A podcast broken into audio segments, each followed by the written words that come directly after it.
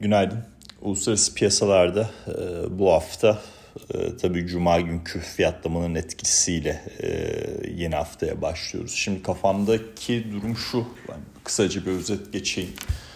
E, birincisi e, işte Cuma günkü aldığımız PCE deflatör, Fed'in ana e, gösterge e, enflasyon e, verisi sonrası piyasada risk iştahında azalma var. E, dolar endeksinde güçlenme var ve değerli metallerde satış var. Ama piyasa e, fiyatlama bazında e, 5.4'ten daha yüksek bir politika faizi en azından okuduğum haberlerde bu sabah da gene bir kargaşa içindeyiz zaten. E, tam şeye de bakamadım e, fiyatlamaya e, ama e, 5.4 civarında olması lazım fiyatlamanın. Ee, daha da yukarısında olmaması lazım. Ee, niye kargaşa dedim? Ee, kendi kafamdaki enteresan bir e, şeyi e, cevaplamakta zorlanıyorum. Bu cuma günü tarım dışı istihdam verisi gelmeliydi normal şartlarda. Niye ekonomik takvimde gözükmüyor, gelecek hafta gözüküyor anlamaya çalışıyorum onu. Normalde eğer ayın ilk cuma günü, ayın ilk günü değilse o hafta içinde tarım dışı istihdam verisini almamız lazım. Ama bu cuma Şubat ayı e, tarım dışı istihdam verisini almıyoruz. Neden olduğunu da bilmiyorum. Yani karışıklık e, şeyi bu. E, altındaki sebep bu. E, neyse. Şimdi bir e, enflasyon tarafında piyasada kafa karışıklığı var. E, yani PCE verisi e, bütün beklentilerin üzerinde geldi. Ee, işte Wall Street'te tahmin e, yapanlar bunu e, tutturamadı. E, dolayısıyla hani Marmaray, Hacı Osman, Dört Levent'in de tutturması çok gerçekçi olmaz herhalde. Neyse, dolayısıyla bu enflasyon sürecini tam olarak nedir ne değildir anlamadan bir süre daha endekslerde daha bir yatay hareket olacak gibi şeye bakamadım açıkçası. S&P 500 200 günlüğünün altında kapatmadı diye e, düşünüyorum. E, eğer kapatmadıysa e, ki kapattığını düşünmüyorum. Öyle bir haber okumadım. En son fiyatlamaya baktığımda da onun altında değildik diye hatırlıyorum. Bunu altına inebilecek bir durumda olduğumuzu pek düşünmüyorum. Dolayısıyla hani e, bir bant hareketi olacak e, ama o bant hareketinde o destek seviyelerinde maalesef en e, önemli desteğe kadar geriledik. Hani daha böyle 4000 seviyesi falan tutar mı diye düşünüyordum. Maalesef tutmadı.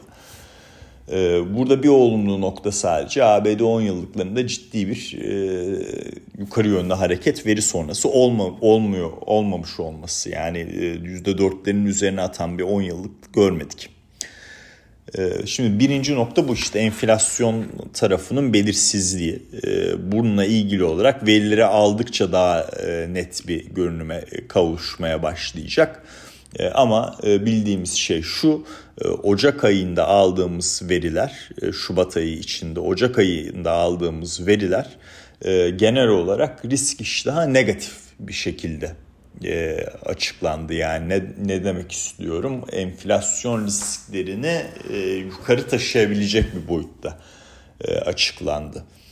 E, işte tarım dışı istihdam verisinin açıklanmasıyla başlayarak işte TÜFE, ÜFE, PC vesaire bunların hepsi genel olarak e, negatif e, risk iştahı açısından enflasyon risklerinin yukarıda olduğunu gösteren bir yapıda. Şimdi bu hafta Cuma eğer tarım dışına alsaydık e, aynı yapı var mı yok mu onu e, anlamaya çalışacaktım. E, ama neden olduğunu bilmediğim bir şekilde gelecek hafta alacakmışız. Peki öyle olsun. Neyse şimdi birinci yapı bu. İkinci yapıya geçecek olursak ortada bir jeopolitik durum var. Jeopolitik bir süreç var.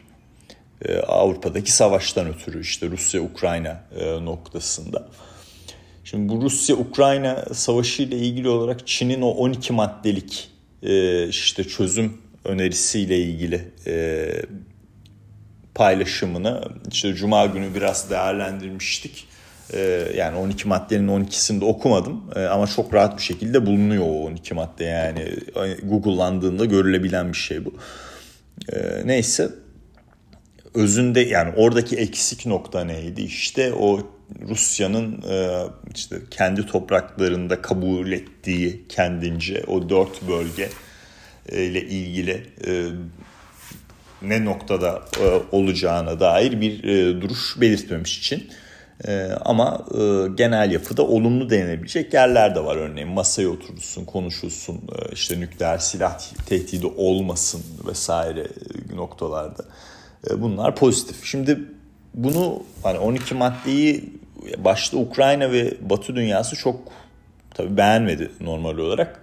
E, ama e, Zelenski'den daha sonra e, hani bazı maddelerin e, konuşulabileceği belirtildi. Yani anladığım kadarıyla örneğin masaya oturma, örneğin nükleer silah kullanmama yani. hani e, bu tarafta bazı maddelerin olumlu olduğunu belirtti. Bundan sonra e, Avrupa tarafından yani eğer yani Ukrayna masaya oturursa, konuşulursa, eğer bir diyalog olursa e, Ukrayna'nın güvenliğini sağlayacağıyla dair, dair bir taahhüt noktasında bir açıklama geldi. E, Wall Street Journal e, bildiriminden geldi bana o da. E, biliyorsunuz yani bunları takip etmesi de e, öyle kolay değil. E, her haber kanalı, her şey artık farklı farklı noktalarda. E, şöyle bir bakalım. E, bakalım.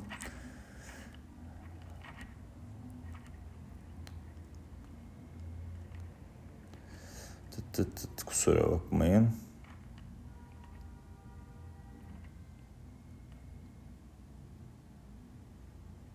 Ha işte cümle şu. Cuma günü Türkiye saatiyle 8.30'da gelen şey Wall Street Journal'dan ee, Avrupa'daki en büyük NATO üyeleri e, bir güvenlik paktı e, Ukrayna ile yapmak istiyor. Kiev'i e, barış toplantılarına başlatabilmek için Rusya ile beraber. Geçen haber buydu. Şimdi e, Çin 12 maddelik bir plan sundu. E, daha sonra Zelenski bazı noktalarda konuşabiliriz kısmını getirdi. Daha sonra Avrupa'dan böyle bir haber geldi. İşte bir güvenlik paktı oluşturmak. Ee, Kiev'in barış, e, Ukrayna'nın barış görüşmelerine başlamaları için e, noktasında. Daha sonra e, Suudi Arabistan Dışişleri Bakanı Ukrayna'ya gitti. Yani bir böyle e, gelişmeler silsilesi var farkındaysanız e, anlattığım noktalarda. Ve sanki hani e, iki grubu bir masaya oturtmak üzerine iki tarafı bir masaya oturtmak üzerine bir gelişmeler var gibi. İzleyip göreceğiz ama eğer barış görüşmeleri başlayacak tarzında bir haber düşerse piyasaya bu gelişmelerden sonra bu tabii olası e, tabii normal olarak e, endeksler pozitif bir etki yaratır arkadaşlar. Üçüncü nokta işte Buffett'ın Berkshire Hathaway'in yıllık annual letter dediğimiz işte yatırımcılara sunduğu mektubunu okudum. Hani öyle diyeyim artık yoruldum yani bir şeylerde. Pazartesi günü sabahtan yoruldum. Neyse. E, annual letter'ını okudum. E, işte senelik bazda yatırımcılarla paylaşılan e, durumda. Orada dikkatimi çeken bazı noktalar var. Birincisi bu hisse geri alımları ile ilgili daha pozitif bir görünüm sunmuş Buffett. İkincisi yani iş kolları ve Amerika ile ilgili olarak işte pozitif görünümüne devam etmiş. Ee, üçüncüsü e, nakit pozisyon miktarında bir yükselme var ee, ama e, burada e, hani bir fırsat bulamamaktansa bunu biraz daha böyle hisse geri alımlarıyla kullanma şeklinde bir yapıda olduğunu yavaşça biraz anlıyorum gibi en azından. Bir yapıda olabileceğini düşünüyorum en azından. Genel olarak işte bütün dokümanı okuduğunuzda. Eksik olan kısımlar yani çok makul bir soru da geldi buna bu noktaya doğru. Mesela Taiwan Semiconductor Manufacturing'de niye bu kadar hızlı bir al sat durumu oldu? Ya da ne bileyim e, Snowflake tarafında durum ne? Yani beni en çok dikkatimi çeken hani Taiwan Semiconductor Manufacturing hani o tarafta çok hızlı bir giriş ve daha sonra e, yüklü miktarda satış yaşandı. Şimdi bununla ilgili olarak e, benim verebileceğim cevap şu. E, yani Buffett ve Mergen'in dışında işte alt tarafta da bu yatırımları yapan adamlar var. O adamlar biraz daha herhalde trade bazlı e, görüş belirtiliyor. E, Buffett'ın hiç tarzı değil.